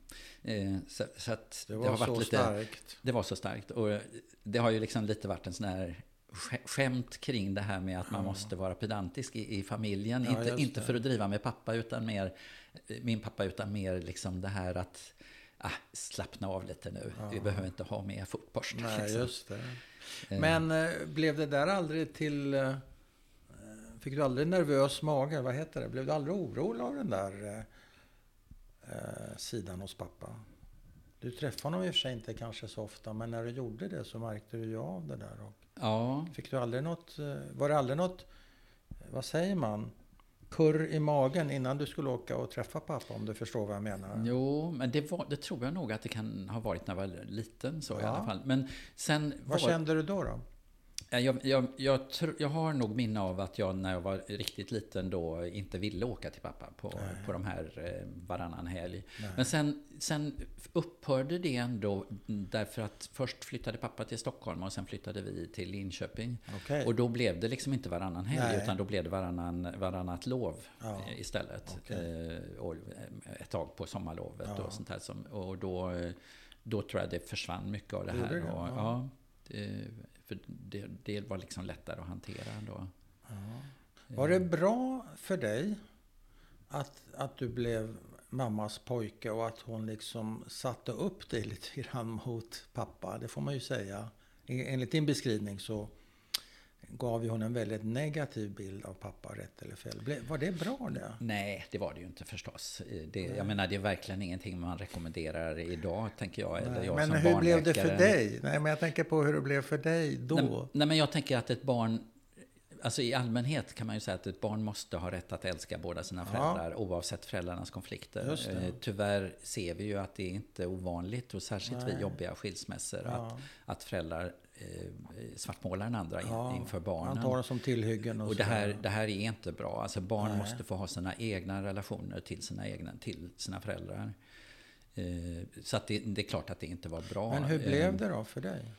Alltså med, jag, jag tror att pappas förhållningssätt eh, inte... Det, det var inte så barnanpassat, det var inte så bra för barn egentligen. Han hade nog inte lätt att hantera oss Nej, som barn riktigt. nej. Även om jag är Ändå. övertygad om att han älskade oss Ja. jättemycket. Men, men eh, ju äldre jag blev, desto bättre relation fick jag ju. Alltså som vuxen fick vi ju en bra relation. Ja. Och det var också väldigt fint att se att, som väl inte är så ovanligt egentligen, att han var ju en väldigt mycket bättre farfar än vad Ja, pappa. just det. Eh, han, var hade- jättefin. Han hade en revansch där som Ja. han plockade. Ja. Men mamma då? Eh, Fortsatte ni att ha en bra relation Ja. livet ut? Ja. Så Eh, du fick två föräldrar till slut kan man säga? Ja, absolut. Mm. Det, det skulle jag säga. Eh, jag måste ju säga också då för pappa, alltså jag, fick ju verkligen också en, en större förståelse för honom, inte minst då genom mitt arbete med flyktingar idag då. Ja. Och han var ju liksom den enda överlevande i sin familj. Eh, Och eh, alltså jag får säga, första gången han tog min äldsta son i sina armar. Och tårarna bara strömmade. Det, mm, det var, det var viktigt. Och eh, det allra sista samtalet vi hade också, då satt vi och pratade lite grann om om barnbarnen som, som ju var jätteviktiga för honom. Ja, såklart. Och eh, ja, samtalet ebbar ut och han tystnar lite grann och så vänder han sig om till mig och så säger han Vi lurade honom alltid i alla fall. Hitler alltså? Ja. Vi lurade honom alltid. Ja, det är fint. Det var... Det, det var gjorde... de två grejerna som höll honom uppe kanske? Ja, Barnbarnen ja. och eh, att ha överlevt Hitler? Och jag tror så? också att han, då, han kände att han hade liksom fullgjort sin uppgift. Just det. Han, eh, familjen ja, hade överlevt. levde ju vidare. Mm. Det blev ju en familj. Ja. Och det var viktigt för Hade han mardrömmar och sånt där? Eh, när ni bo, Inte vad jag kan hemma, komma ihåg. Jag vet att mor, mormor hade det. Eh, mormor hade det? Ja, Okej. Okay. Och vad var det för en då? Jag vet inte, men hon kunde, hon, hon, kunde ganska ofta skrika på nätterna. Ja. Eh, alltså hon hade ju flytt innan. Men, ja, ja. Men, och ja, ja. Jag vet Vad inte intressant. Om, ja, men hon, hon, hon hade, hade mardrömmar. Mm. Men du vet, fick aldrig höra vad hon mm. skrek eller? Nej. Men inte morfar? Jag tror inte det. Nej, och inte mamman? Nej. Och inte pappa? Nej, Nej, inte vad jag vet. Nej, mm. jag, tror, jag tror nog jag hade märkt det i så fall. Mm. Du ville prata lite, du, dels har du ju skrivit lite här. Får, nej men det är, inget, det, det, är inget, det, är inte, det är ingen eh, skrivning här alltså. nej, nej, nej, jag förstår Så att det. man får ha med sig anteckningar som du nu ordentligt. Så att, eh, du, du, kan kika och börja prata om det. Jag tänkte, du, du har flera gånger sagt att du vill återkomma till dina morföräldrar mm. och vad de har betytt för dig. Mm. Så det vill jag gärna höra mm. på. Nej men det, jag har nog alltid varit medveten om att de har betytt väldigt mycket för mig och haft någon som förebild. Men, men det är klart så här när man börjar komma upp i åren och fundera över hur livet har blivit så kan jag ju tänka att eh, de har verkligen påverkat mig väldigt mycket. Eller det kanske till och med så att det mesta i livet jag har gjort har, kan jag koppla tillbaks till dem. Och, eh, alltså de var, det var de var åtminstone, jag kan ju kanske se och ana att också de hade sina sidor och jag tror att de kanske inte heller var de allra bästa föräldrarna men de var fantastiska morföräldrar. Ehm, och de var, det jag uppskattade väldigt mycket var ju att de var så ny, de var bildade, de var väldigt nyfikna, de var väldigt öppna mot mycket nytt på alla plan och inte mm. bara sånt som jag kom med. Alltså, jag vet att mormor, vi pratade väldigt öppenhjärtigt liksom då på, när jag var ung om, om livet, om eh, existentiella frågor, mm. om, om eh, sex. Eh, och mormor kunde ju till exempel berätta om att när hon gifte sig med morfar, hon hade ingen aning om Nej. någonting Nej. överhuvudtaget. Nej. Eh, på 30, ja, men sen på 30-talet när de flyttade till Lidingö, ja. då skulle Elise Ottosson Jensen komma ja. till mammas läroverk. Ja, ja. Och det var nog uppror, tror jag, på Lidingö bland föräldrarna. okay. Mina morföräldrar försvarade detta, tyckte det var jättebra med mm. sexualundervisning i skolorna. Mm. Och det var liksom typiskt för dem, tror jag. De, de, eh, de tillhörde, tror jag, en väldigt sån här gammaldags socialliberal tradition med, mm. med rättvisa åt alla och, och, så. Jag vet att morfar berättade till exempel att under Alltså han var väldigt mån om att inte sticka ut, inte vara brackig, inte, inte liksom ja. eh, sätta sig på andra och så. Nej. Han berättade, vet jag, en gång att under den stora ekonomiska krisen i början på 20-talet i Berlin, när inflationen rasade ja. så till den grad att eh, betalade man ut lönen på förmiddagen till de anställda så var den värdelös på eftermiddagen. Ja. Eh, och då sa han bland annat att eh, när, när han betalade ut lönen, då fick de anställda ledigt och gå ut och, gå ut och handla upp den. Ja. Innan den var värdelös så de kunde komma tillbaks. Ja. Och liksom, inte minst under den tiden liksom var det ju viktigt att inte liksom glänsa och, mm. och liksom när folk hade det väldigt ekonomiskt svårt. Vem skulle du säga att du är mest påverkad av, av dessa två intressanta personer?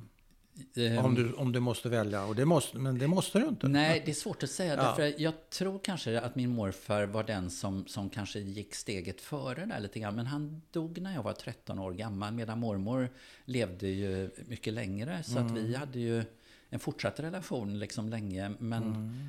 Så att, ja, båda två skulle jag säga. Ja, båda två. Ja. Jag är bara nyfiken, det är ett stickspår. Vi sitter i ett rum med, med böcker och då funderar jag på, kunde de bygga upp sitt bibliotek igen? För jag gissar att de hade ett bibliotek i Berlin. Säkert. Ja. Alltså de hade Just. ju inte jättestort bibliotek, men Nej, de hade de ju, hade. kan jag se så här i efterhand, men de hade ju ett bibliotek ja. som jag tyckte var helt jätte, jättefint. Ja. Jag minns de här böckerna och jag minns att jag som väldigt liten drömde om att ja, när jag är stor då ska jag också ha ett bibliotek. Ja, och det har du kanske? Ja, det har jag faktiskt. Och det fina i, med, i det är att eh, en, en viktig del av det här biblioteket, som jag minns det som barn i alla fall, var ett väldigt fint eh, inglasat bokskåp. Som de hade lyckats få med sig från Berlin. Ah. Och det bokskåpet står hos mig idag. Ah. Och det är jag väldigt glad för. Det är fint. eh, men det som, det som jag tror har påverkat mig väldigt mycket är ju den inställning som, som mina morföräldrar förmedlade väldigt mycket och väldigt, väldigt starkt. Eh, och som jag verkligen har burit med mig genom livet. Mm. Och det var att de, de Alltså vi, det var inte så att vi diskuterade förintelsen jättemycket Nej. eller så, men det fanns ju med förstås. Ja, ja. Eh, och jag vet att det också fanns släktingar på mina morföräldrars sida som inte överlevde och så. Men, men eh, också att Klart. släkten var spridd över hela världen. Ja. Eh, min mormor förresten var född i Buenos Aires av tysk-judisk mm. familj. Då. Mm. där fanns den gren av släkten mm. också. Så. Var, var är de begravda någonstans? Eh, på Haga norra. På Haga norra. Mm. Och mamma och pappa? Eh, pappa i Järfälla och mamma i Linköping, de hade båda två väldigt starkt önskemål om eh, att kremeras och bevaras, eh, begravas i minneslund. Ja. För pappa, pappas inställning var att det, en plats är inte viktig, man kan minnas en människa på andra sätt, ja, var man än right. är i världen. Och det, jag tänker att det var nog en väldigt naturlig inställning för honom. Han, han, alltså vi vet fortfarande inte när eller var eller hur Nej. hans familj dog. Nej. Egentligen. Just det. Han, har, han var inte förankrad riktigt geografiskt på det sättet. Nej. Nej. Men han, han hade inga idéer om att han ville att ni barn skulle kunna komma och hälsa på honom eller stå nej, ha en sten? Att, eller, det, var, det var inte viktigt? Nej, nej, jag tror att han tänkte liksom så som han själv hade tvingats ja. att tänka. Ja. Att ni minns mig Ja, och mamma sätt. också då? Ja. Minneslund. Ja. Ja, var det, eh, var det, har det varit bra, tycker du, för dig? Ja. Du ja, behöver inte ja, ha ja, någon sten att gå nej, till? Nej, jag tror att jag har verkligen tagit eh, och integrerat liksom den synen i mig själv också. Jag, jag, de är väldigt, väldigt levande för mig, men jag har inget behov av en plats nej. faktiskt. Egentligen. Var vill du själv bli begravd? Eh, nej, men jag har nog tänkt i samma banor egentligen det, faktiskt. Men, men ja, jag, jag har liksom så eh, Nu kan man ju bli... Eh, kremerad tror jag på judiska begravningsplatsen okay. också. Ja. Så det har gått lite framåt ja. på den punkten. Det är bara ett tips. Ja. Nej men jag, jag har nog liksom verkligen tagit Men du tycker det är en till bra mig grej? den. Ja, ja. Okay. Jag, Mm. Ja. Du är... Men tillbaks till mina morföräldrar. Ja, förlåt. Kanske, ja, jag, kanske, jag, bara, ja, just, just jag kanske kring, avbröt dig. Förlåt nej, nej, men jag tänker just det här med, med vad, vad morfar var väldigt tydlig med kring när, när, vi, när han pratade om förintelsen, det var, jag vet att han sa så här, lärdomarna från den här tiden, de är väldigt, väldigt stora. Eh, de är mycket större än att bara vara judiska lärdomar. Det är universella lärdomar. Mm. Vi får aldrig acceptera förtryck, rasism, orättvisor oavsett vem det riktas mot. Mm. Sa han så? Han sa så. Till dig? Ja. ja. Och det har jag Vad tänkte du? Vad tänkte du om det? Nej. Alltså en, en universalistisk syn helt ja, enkelt. Ja, inte en ja. partikulär där Nej. man liksom säger Nej. att vi ska hålla oss, utan okej. Okay. Och, och, och, det han, fick du med dig från honom? Det fick jag med mig och jag, jag, jag, tror att han också var, alltså han hade nästan någon slags så här lite idealistisk dröm om en slags världsnation. Alltså, Jag tror FN och FN-systemet, liksom, den tanken var väldigt viktig och väldigt stark för honom. Och jag har ett minne, alltså han dog 1966. Jag har ett mm. minne av att jag gick med honom i Humlegården. Det gjorde vi ofta på väg till eller från synagogan, för han ville ja. alltid ta med mig till synagogan när jag kom och hälsade på. Och så har jag ett minne av, som jag inte tror är fel, men eh, jag har ett minne av att, eh, han, att det stod en, en eh, ensam person i Humlegården med en insamlingsbössa till Vietnam och att han stoppade pengar i den bössan. Ja, ja. och det här var ju långt innan Vietnamrörelsen ja. i Sverige. och ni var på alltså, väg till 66. Stora Gogan. Var det Jom Mm. Kippur eller någon av de stora helgdagarna? Nej, jag tror aldrig faktiskt att jag Utan var med bara vanlig Yom Kippur. shabbat Vanlig alltså. shabbat bara. Och då la han pengar där? Ja. Ja, Och det, har- jag tänkte ju inte så mycket på det då, eller jag Nej. förstod nog inte riktigt vad det innebar då. Men Nej. efteråt har jag tänkt jättemycket på det. Att han så tidigt, långt innan det var, fanns en Vietnamrörelse i Sverige, Ja. ändå stoppade pengar i en Ja. Vietnambössa. Det, han gjorde det inte för att du var med då? Nej, nej, men jag hade ju inga... Jag, Du hade jag inga- var ju Hur 12, gammal är 12, du? jag var ju du är så- 11-12 år. Men du, det är en grej jag inte fattar här. Jag måste eh, ta det här ett varv till. Ja, Han är inte religiös va? nej, Du är inte religiös. nej. Vad ska han dra med dig till Gogan för?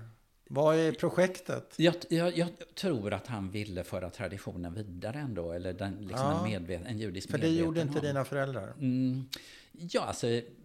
Jo, vi gick ju till synagogan ibland så, Ja. men, men eh, inte... Och jag gick i religionsskolan så länge jag bodde Men kvar i Göteborg. du om det? Jag blev bar mitzvah när jag var 13. Ja, ja, Men, men okej. alltså inte mer än så. Vi Men han inte, ville, han ville fylla på då, så kan vi säga. Föra traditionen vidare. ja, föra tradition. Och vad, du ville ju vara med din morfar gissar. Mm. Det var väl... eh, Så Absolut. att om ni gick till Gogan eller inte, det kanske inte var så viktigt.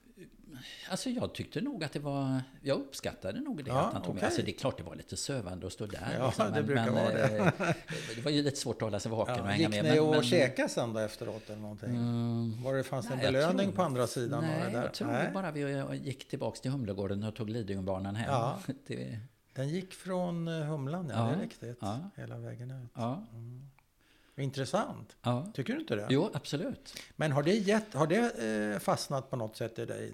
De där Synagogan? besö- ja, de besöken Ja, och sådär. Och absolut. Hur då? Ja. Det, jo, det har det ju absolut. En, och en respekt för traditionen. Sen, Mm. eh, sen har jag ju inte varit någon flitig synagogsbesökare eh, precis, men det, eh, det tror jag är liksom kanske både av hänsyn till andra eh, och till Känns det mig själv. så? Känns det ja, det, ja, det gör det ju faktiskt. Jag tror För inte, dig själv? Du får spott och spö. Om du knallar in i en synagoga så det. blir det... Jag, jag skulle tro det Ja, faktiskt. Och jag tror att det finns en del som inte skulle bli glada om jag kom faktiskt. Så jag har Mhm. liksom undvikit det faktiskt, knasigt. tyvärr. Jag, Ja. Egentligen är jag lite ledsen över det ibland Ja. faktiskt. Men Mm. åtminstone i Göteborg tror jag att det är så. Jag är kanske mer osäker i Stockholm. Ja, kanske finns lite mer liber- på dig. liberala Vi har nog tendenser i koll på Stockholm. dig också ska vi säga. det tycker jag var tråkigt att höra. Men eh, jag kan förstå det. Var var vi någonstans? Vi var Nej, men det, var, det är liksom detta med, med att de menade verkligen att, att orättvisor Ja, det rasism, universella ja. förtryck ja, kan det. aldrig, det är aldrig godtagbart. Nej, du lever ju verkligen den läxan så att säga. Får Ja, säga. det är klart att det stämde ju också bra överens med den tidsandan som kom sen, liksom när jag var ung. Mm. Eh, eh, som ju handlade mycket om, om eh, rättvisa, rättvisa mot undertryckta länder, koloniserade länder som Ja, ja. ville frigöra sig mot apartheid, Ja. Vietnam, Ja. eh, orättvisor i Sverige. Det, det stämde ju liksom väldigt bra överens med mormor och morfars tankar, tänker jag. Ja. Eh, Tyckte de det själva? Eh, Alltså jag vet, eh, lite senare då, morfar dog ju som sagt när jag Ja. var 13, men jag vet Ja. att min, min mormor, eh, jag, jag vet att jag och min kusin som på den tiden också delade politisk uppfattning med mig, eh, eh, vi diskuterade med mormor och hon, hon var ju liksom väldigt öppen och lyssnande och försökte liksom ta till sig. Hon sa någon gång så här att, ja, eh, Alltså, jag kan väl på ett sätt förstå att liberalismens idé eh, är, är, eh, är, är lite idealistisk och kanske inte håller idag. Hade jag varit ung så kanske jag eh, hade blivit socialist också, men, men jag, känner att jag är lite för gammal för det. fall. Men, men, ja, det var väldigt rart Ja, av henne och det var det var typiskt rart. hennes sätt att liksom vara öppen Ja. och liksom lyssnande, tolerant. Ja, men det är en och, och sann liberal hållning. Man, Ja. man eh, försöker vara öppen även om man kanske inte Ja. alltid pallar det hela vägen. Det är Och en jag- väldigt jag- fin tradition. Absolut, och jag tog ju till mig den här liberala hållningen. Alltså jag såg mig nog som en, alltså lite typ den här eh, Folkpartiets ungdomsförbundsandan som var på Ja, den tiden. hade du hal- hade du halmhatt och liksom, sådär? Vad sa du? Hade du halmhatt och sådär? Nej, nej, nej, jag var ju Men för du, ung när för det. spårar men, du ur? När blev du vänsterextrem? Ja, du, nej, fin, eh, fin, nej, men finns det en sån punkt där liksom eh, som är en vattendelare. Nu, nu tänker jag politiskt. Det här är ju bara politik vi pratar om. Alltså, nej, jag, jag tror Eller för dig att, kanske eh, det är personligt och politik är samma sak. Jag vet inte. Ja, det hänger ju, det hänger ju ihop Det tätt hänger och det ihop, hänger ja. ju ihop med, med det här som jag fick med mig från Ja. mina morföräldrar. Men har du någon jag. sån Men- punkt? När, när, Nej, kanske inte direkt så, utan det var nog ändå någon slags mer gradvis insikt att... Mm. att eh, eh, eh, alltså det handlade väl egentligen om att eh, eh, alltså socialismen eh, som, som, jag, som lockade mig så småningom då ja, eh, handlade ju mycket om att utvidga demokratin också till det ekonomiska området. Ja, alltså det, ja. den, den demokratiska makten över ekonomin och Mm. produktionsmedlen. mm, Helt enkelt då. Och det, det var väl någon slags gradvis insikt. Okej. Länge, länge, man kan säga att länge eh, vill jag inte eh, tillhöra vänstern just på grund av deras inställning i Israelfrågan. Det var ja. liksom det som höll mig ja. tillbaka. För jag stödde fortfarande Israel väldigt länge. Eh, Och ansåg att man Och hade fel. när, när tar det slut då? Det Jag flyttade, stödet? jag flyttade till Göteborg eh, och började läsa medicin så småningom. Mm. Eh, och eh, eh, träffade väl må- många väldigt kloka människor i Göteborg som eh, tillhörde den vänsterrörelsen Ja, som och det var är då. vilket år? Jag flyttade dit 74 Ja, okej. egentligen. Och, och jag fick stor respekt för många av de här människorna var oerhört kunniga också och Mm. pålästa. Och eh, eh, så småningom insåg jag att eh, jag hade stor respekt för dem men vi hade inte samma inställning i Israel-Palestina-frågan. Och det här blev eh, lite jobbigt. Eller det blev väldigt, väldigt jobbigt tycker jag egentligen. Eh, och det egentligen... Så här, alltså, Blev du kritiserad? Nej, nej, de kritiserade inte mig Nej. liksom så. Det Nej, nej, det utan blev var jobbigt mer att för jag dig själv. själv. Jag Ja, själv ja. såg att Att det inte höll riktigt? jag, jag hade stor respekt för de här Ja, människorna. ja. Men, eh, och de, de, det var liksom inte så att de bara känslomässigt tog ställning för det ena eller det andra. Utan de, de var pålästa. De, de liksom hade en kunskapsgrund för Ja. att man hade tagit den ställning man hade gjort. Ja, det. Eh, och vi har, eh, jag har, men vi har olika uppfattning eh, i Israel-Palestina-frågan. Och eh, jag insåg så småningom att, att eh, jag måste ompröva min inställning. Eller jag måste, på det sättet, jag måste tänka igenom vad är, det, vad är det som är viktigt för mig? Vad är det jag tänker? Och vad är det jag grundar min inställning på egentligen? Men eh, alltså det här var, det här var jättejobbigt. Jag har än idag väldigt stor respekt för folk som, har, som tycker att det här är en jättejobbig fråga att tänka om i. Mm. Ehm, Det, jag har verkligen respekt för det. Ehm, Och för mig var det så här att det, det gick säkert åtminstone ett år när jag eh, helt enkelt hoppade över allt som stod i tidningarna om Israel och Palestina. Jag, Ja, orkar, ja. jag orkar inte läsa det. Nej. Jag, orkar, jag visste på något sätt Ja. att det jag har trott på det håller inte riktigt. men jag Nej, men orkar. man pallar det här är för svårt. Ja. Det är för jobbigt att tänka om. Och så, men så småningom kom jag väl liksom till någon slags punkt där jag tänk, kände att nej men, det här håller inte. Jag, jag måste tänka igenom vad, vad är det som är svårt för mig egentligen. Ja. Eh, och så fick jag försöka liksom skriva ner det. Och sen satt jag i flera dagar och diskuterade med mina vänner Ja. om liksom, de, De saker som grejerna, jag hade ja. svårt med och försöka höra deras synpunkt. Ja. Vet du vilket år är vi framme vid? Det här var nog eh, kanske 76. Ja, det var ett par sånt år senare efter att du det, började. ja, det var, det Det var, var en process, jättejobbigt. Det var alltså. jättejobbigt. jättejobbigt. Men jag är ändå nyfiken. Det är kanske i nyfiknaste laget. Men du sa att du avstår eh, gärna att gå till synagogan eller i vissa sammanhang i Göteborg. Särskilt i Göteborg kanske. Mm. Vad är det värsta du har blivit utsatt för? Eh, Du kan välja fritt. Alltså jag hör väl lite till de här. Jag får säga, min, min pappa hade, eh, så här i efterhand kan jag säga, han hade en del väldigt, väldigt, väldigt goda sidor som, som jag tror var grundläggande ändå personlighetsdrag. Och Ja. Det var att han, han pratade inte skit om någon egentligen. Han, han, han, han sa faktiskt aldrig ett ont ord om min Nej, mamma. Han var nej. alltid väldigt var respektfull mot mina ja. morföräldrar. Ja. Eh, Och de, de, de gånger han pratade om sin barndom i Österrike och vad som hände där, då var det framför allt att han tog fasta på de människor som var goda, trots de onda tiderna. Mm. Eh, läraren som kom hem en mörk kväll när ingen såg honom och knackade på Mm. och nästan grät hemma hos dem för att han kunde inte ha kvar pappa i klassen Nej. längre. Eh, alltså den typen av berättelser. Eh, Wow. de lyfte pappa fram. Och jag tänker att det var nog viktigt för honom för att orka överleva. Att Mm. tänka på de positiva berättelserna också. Eh, och lite så försöker jag också göra. Alltså, Okej. jag, jag, har, jag har Är det skydd eller är det att du är en hedersknuffel?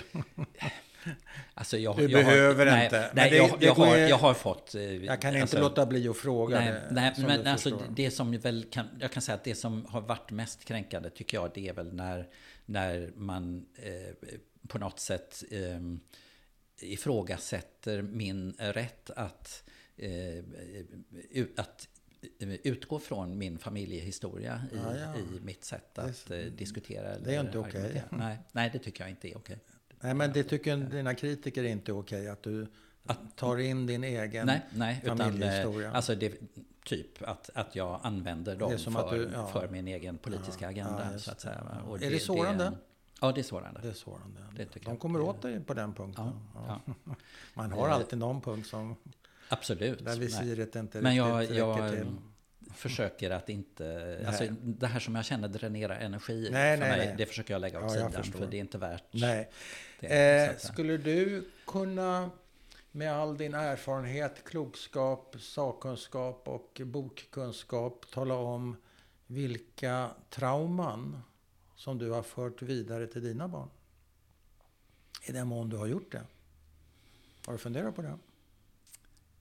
Nej, det har jag inte. Tror Svår- det, borde jag fråga. ju, det borde jag ju verkligen ha gjort. Och det kan de säkert svara på bättre än, Ja. än du. Men jag, jag, min fråga var om du hade funderat på det, att det där, här ser jag någonting som har gått i arv från pappa över mig till, vad sa du, du har tre döttrar eller vad sa du? Nej, jag, nej. Förlåt? jag har tre Två. barn. Tre barn ja. Mm. Ja, inte tre döttrar. Nej. Nästan rätt. Eh, eller det här kommer från mamma och så vidare. Eller från mina morföräldrar. Men du har inte funderat på det? Nej, det har jag faktiskt inte. Det är en väldigt bra fråga. Jag tror jag måste ta med den hem och fundera på Det går faktiskt. bra. Kan återkomma. Det, det, det jag ju... Det jag tänker... Jag, jag kan tänka så här att våra föräldrar kanske inte ville berätta för att de ville att vi skulle slippa den här skiten. Liksom. Att vi ska Ja. få växa upp och vara glada och lyckliga och eh, slippa... Ja, alltså, det, det, jag tror att det Helt har funnits en sån. Det var, inte, det var inte så att man teg ihjäl det, framförallt inte mina morföräldrar och sådär. Men, men det var inte något väldigt stort samtalsämne. Nej. Men samtidigt så vet, alltså det fanns ju med hela tiden. Ja. Och jag, det har verkligen påverkat mig. Eh, och pappas icke-berättelse har naturligtvis också påverkat mig jättemycket. Eh, men jag tänker också att det, är, det finns någonting väldigt viktigt att föra vidare till mina barn. Och det, det är liksom mer det jag har tänkt. Och jag tänker väl lite... Eh, alltså att, att det här... Eh, lärdomarna som mina morföräldrar pratade om. eh, Att det är... Alltså förpliktelse är kanske fel ord, men att vi ändå Nej, har att- en ja. unik erfarenhet Ja. från förintelsen som vi har en skyldighet att förvalta.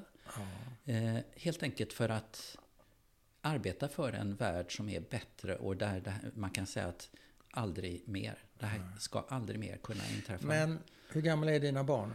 Ja, nu är de ju vuxna. Ja. Jag, har, jag har sex barnbarn, vilket är, Ja, du har vuxna får barn. lika, lika lycklig som min pappa över att släkten alltså. faktiskt Ja. börjar bli så stor. Det, det är är, klart. helt Man- otroligt Mazel underbart. tov. Men är de intresserade av att höra på? Ja, det är de. Är, är- vilken är din eh, publik nu? Är det barnen eller barnbarnen? Nej men eh, det har nog liksom alltid varit barnen. Alltså det är inte så att vi pratar jättemycket om Nej, det här. nej, Men det här har ju funnits med också i deras barndom. Ja. Eh, Och, och eh, just att, eh, och jag vet att några av barnen har skrivit skolarbeten där de har intervjuat farmor, Ja. farmor eller farfar Ja. och, och liksom så. Va? Så att det här är, de har integrerat och tagit med sig Ja, den här berättelsen på sitt sätt. Och Ja, de, ja. de har liksom valt jag menar, det fanns ju ingen i min familj före mig som jobbade i, i, i vården till exempel. Och nu är det två av mina barn som gör det. Jaha. Och, och, eh, och det finns liksom ett engagemang hos dem på olika, som tar sig olika uttryck som jag Är kan det någon se som gör uppror mot dina idéer?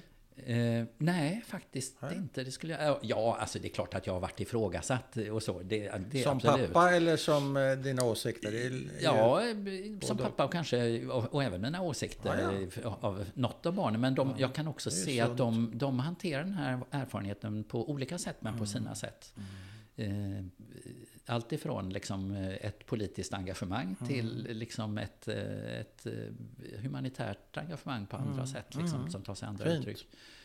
Ja, det är jag väldigt glad över ja. faktiskt. Eh, och, och jag tror att det är viktigt för dem. Ett av mina barn sa nu när under de senaste åren, nu under pandemin, så har mm. både min mamma och min syster gått bort. Och det, ja, så att det, och, det är bara jag kvar egentligen. Och, ja. eh, de, där, hon, där min dotter sa att nu, nu är det viktigt att du för berättelsen vidare till ja. oss. För det är bara du som kan göra det. Ja.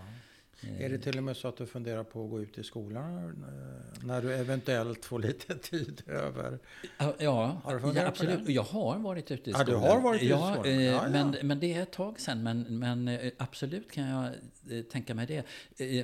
Fast jag var inte ensam ute i skolan. Det var, det var, det var faktiskt så här att... Um, nu kommer jag inte, alltså åren går så fort här nu så jag blandar ihop lite när, ja, när ja. det kan ha varit. Men um, när den första uh, rapporten från Levande historia kom om uh, att det förekom antisemitism i förortsskolor bland mm. uh, invandrare, att det skulle vara överrepresenterat bland mm. invandrarungdomar. Ja. Då eh, eh, pratade en av mina väldigt goda palestinska vänner och jag ja. ihop oss och ah, sa ja. att vi går ut och erbjuder oss att prata i skolor. Ah. Och det gjorde vi. Vi var ute och pratade i förortsskolor ja. under en period. Och det Men vad var ämnet då? Bra. Eh, ja, det var att motverka antisemitism, att ta upp ja, men genom prat, Var det antisemitismen du snackade om eller var det din familjehistoria? Det var egentligen bådas vår familjehistoria. Ja, eh, era min, respektive familjehistoria. Ja, ja. Därför att min, den, den här palestinske vännen, han, eh, honom lärde jag känna när jag jobbade i flyktinglägret i Libanon. Ja, ja. Sen lärde han känna en svensk sjuksköterska också, så han gifte sig och eh, landade i Göteborg. Eh, och det, var väldigt, det var ju egentligen väldigt intressant att vi båda berättade våra familjehistorier. Mm. För det blev ganska påtagligt om att det fanns många likheter i våra ja. berättelser. Eh, inte så att in... hans familj hade hamnat i koncentrationsläger, men de hade tvingats på flykt. Ja, men det är väl Nakban då, eh, givetvis, ja, 47. Ja. Och... 48 kanske. Eh, och budskapet Men, i detta var ju då ja, att Israel-Palestina-konflikten ja. är inte en religiös konflikt Nej, utan en politisk konflikt. Politisk, och antisemitism. Även, är det alla, så att man, alla man, konflikter är politiska. Det finns ja. egentligen ingen religiös. Mm. Det är bara vad, vad man blir itutad. Men eh, skulle du även kunna tänka dig att gå ut själv eller med ett, inte vet jag, med ett barn eller något sånt där? Ja. Eller bara själv? Ja, ja det, det, absolut. Ja, det, man inser ju ju äldre man blir att det här som är så självklart för oss. Jag ja, menar, vi är uppväxta några år efter kriget. Det var väldigt många Alltså det diskuterades ju väldigt mycket. Vilka ja. lärdomar ska vi ja. dra? Hur ska vi, hur ska vi konstruera världen? Det var gott om folk som kunde berätta och så ja. vidare. Men så och hur ska vi längre. konstruera världen så att det här inte kan hända igen? Och jag menar inte minst när vi Sant. ser vad som händer i världen idag så, så är ju det viktigt egentligen. Mm. Vi, vi höll på ett tag med det här, åka runt och, och det var väldigt kul. kul. Alltså jag vet vi hamnade ibland i klasser där läraren sa att ah, jag vet inte om ni ska verkligen prata med den här klassen. De är så hopplösa. Ja, de, ja. de, sitter inte still. Och vi hade jättebra samtal. Ja, Varenda samtal var jättebra. Och vi fick så mycket bra diskussioner. Och lärarna var rätt häpna ja. över att elever som man hade väldigt låga förväntningar på eh, var väldigt engagerade man, i diskussionen. När man gör någonting överraskande och eh, kombinerar det med något mm. genuint, mm. då blir det väldigt bra. Och det var också viktigt tror jag för många av de här killarna att se att vi var väldigt nära vänner, mm. han och jag. Det är jätteviktigt. Alltså den här personliga ja. bilden. Men var han muslim eller kristen? Eller spelar det ingen nej, alltså, roll? Alltså, han har väl muslimsk bakgrund, men han var inte speciellt religiös. Nej, han var inte mer religiös än vad jag är. Liksom, så det, det spelar ingen roll. Nej, det spelar eh, Har du något kvar på din... Jag har en sista fråga, men jag sparar gärna den. Har du någonting kvar um, på, på din fusklapp? nej, det var dumt sagt. Nej, men, eh, på din minneslapp ska det heta. nej, men jag tänker nog egentligen att, att, att eh, den här diskussionen som fördes efter kriget, hur ska vi hur ska vi konstruera världen så att det här aldrig någonsin ska kunna upprepas igen? Den, den diskussionen är, är liksom viktig att ja. återkoppla till. Och där tänker jag FN-systemet var en del av detta. Modern, mänskliga rättigheter i sin moderna tappning mm. eh, eh, uppkom ju Alltså deklarationen om de mänskliga rättigheterna från 1948 den har i sin preamble, alltså i förordet, att mm. emedan mänskligheten har visat hur ociviliserad, hur omänskligt mm. man kan agera så mm. måste vi skriva mm. dessa mänskliga rättigheter. Mm. Och, och, eh, jag tror, alltså idag börjar, även ett land som Sverige som alltid har velat vara bäst i klassen när det gäller mänskliga rättigheter, så mm. börjar diskussionen komma att ja men världen har förändrats. Mm. Det, det, ser annorlunda ut nu. Eh, de är, de är skrivna, skrivna i en annan tid. Eh, och jag tror ju, och det är klart att visst, man formulerade det här som en kompromiss mellan jordens länder, men det var ändå det bästa vi har kommit fram till. Och jag tror att just i det här läget när mänskliga rättigheter börjar bli obekväma och kanske man tycker att det inte riktigt passar in, det är kanske just precis då det är väldigt viktigt att hålla fast vid. Mm. Absolut, det håller jag mm. med om. Men, men, men det är väl, man måste, tror jag ändå, kanske hålla en annan obekväm tanke i, i huvudet. Nämligen att det här med att det aldrig får hända igen. Mm. Tyvärr inte har så mycket med verkligheten att göra. För det händer precis hela tiden. Ja. Även om det inte, förintelsen Nej. är förintelsen. Okay? Men folkmord, fördrivningar och Absolut. så vidare. Det händer hela tiden. Och det, ja. Eller hela tiden, det är kanske är lite slarvigt uttryck. Och det det kan man ju absolut kämpa emot, men man, man kan ju inte bortse ifrån det. Så att säga. Och det tror jag inte du gör heller. Jag nej, bara, nej, absolut. Och frå, jag höra hur du tänker på också det. Just, eh, just när vi spelar in det här så har det ju nyss varit den stora förintelsekonferensen ja, i Malmö till ja. exempel. Och många, eh, Sverige och många länder säger att vi får aldrig glömma förintelsen. Men jag tänker då också att det är viktigt att fundera över vad är det vi menar när vi säger att vi inte ska glömma förintelsen. Ja. Eh, är det liksom just koncentrationslägren, just gasen, stöveltrampet. Hitler? jätteviktigt att vi inte glömmer. Men jag tänker också att när vi har kommit dit, eh, då är det alldeles för sent. Vi måste se tecknen som ja. kan, i ja. värsta fall, leda dit väldigt mycket tidigare. Mm. Och då handlar det om stereotyper om den andra, mm. som vi väl känner igen som mm. judar, mm. men som idag riktas mot många andra grupper. Mm. Syndabockstänkandet. Mm. Det, det tycker jag breder ut sig i Sverige idag, mm. inte minst. Mm. Eh, och många gånger mot de grupper jag jobbar med, mm. dagens flyktingar.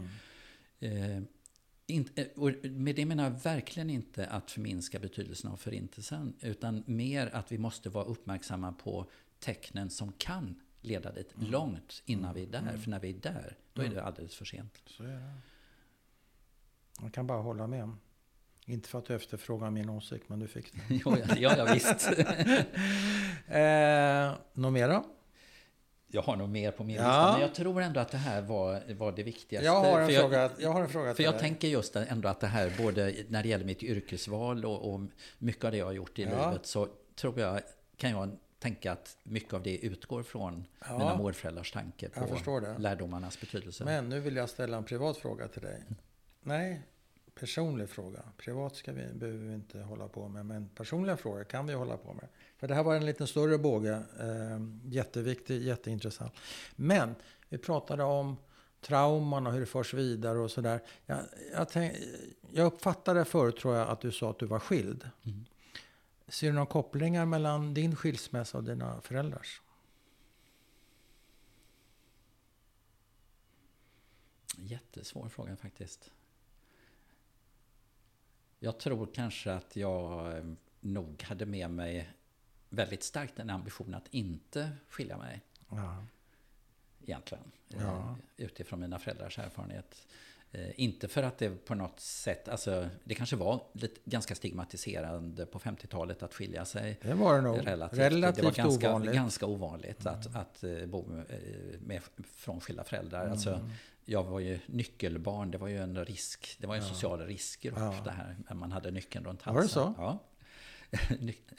ja, Kände du dig som ett nyckelbarn också? Så att nej, säga? Kände du dig som ett skilsmässobarn? Absolut inte. Jag kände inte igen mig aldrig. i tidningarnas nej. beskrivningar av nyckelbarn på något sätt. Men, men, du ville men, till men varje jag, pris hålla ihop Ja, jag hade nog en sån äktenskap. ambition och förhoppning. Mm. Och, eh, och jag har nog liksom alltid varit ganska monogam av mig i mitt liv. Jag har ja. liksom inte, inte ja, jag efterfrågar inga privata rullan. detaljer. Jag, jag undrar om det, om det finns någon, om du gör någon koppling att det sen gick åt pipan. Om det så att säga, ibland är, är man ju programmerad av sin barndom, mm. föreställer mig. Man har vissa spår nästan i hjärnan.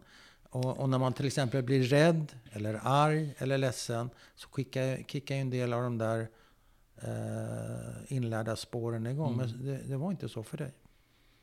Jag tror inte det Nej. ändå. Alltså, för jag tror ändå att skilsmässorna, alltså min skilsmässa var av ganska annorlunda skäl än, mm. mina föräldrars okay. ändå. Men, mm. men jag vet ju egentligen inte riktigt vad, vad skälen till att mina föräldrar skilde sig var. Nej. Men, men Nej. Jag, kan ju, jag har ju liksom kunnat se att min pappa kan inte ha varit helt enkel att leva ihop Nej. med. Eh, och särskilt inte kanske när man har småbarn. Också. Nej, och det var ju en eh, besvärlig skilsmässa som du har beskrivit. Ja. Där man eh, kastar barnen mot varandra mm. och sådär. Mm. Vilket ju inte är ovanligt varken nu eller då. Men, mm. men det är ju ingen höjdare såklart. Nej, men bra. kanske visste man inte bättre då. Nej. Idag borde vi veta bättre. Ja, Okej, okay, vill du lägga till något? Jag tycker det var eh, fint att få samtala med dig. Tack eh, detsamma. På det sätt jag hoppades. Du, du, har definitivt slängt in en del frågor som jag inte hade tänkt på. Som jag Nej. kände att det var svårt att svara på. Som ja, jag nog det okay. bär med mig hem. Okay. Och tänker vidare på. Du, jag kan bara kontra vänligheterna med att säga att eh, tack så mycket. Det har varit jättekul, intressant, eh, upprörande, berörande och spännande. Och lite storpolitik fick vi också oss till mötes såklart. Jag hade räknat med det. Det har varit väldigt kul att få snacka med dig. Tack så mycket.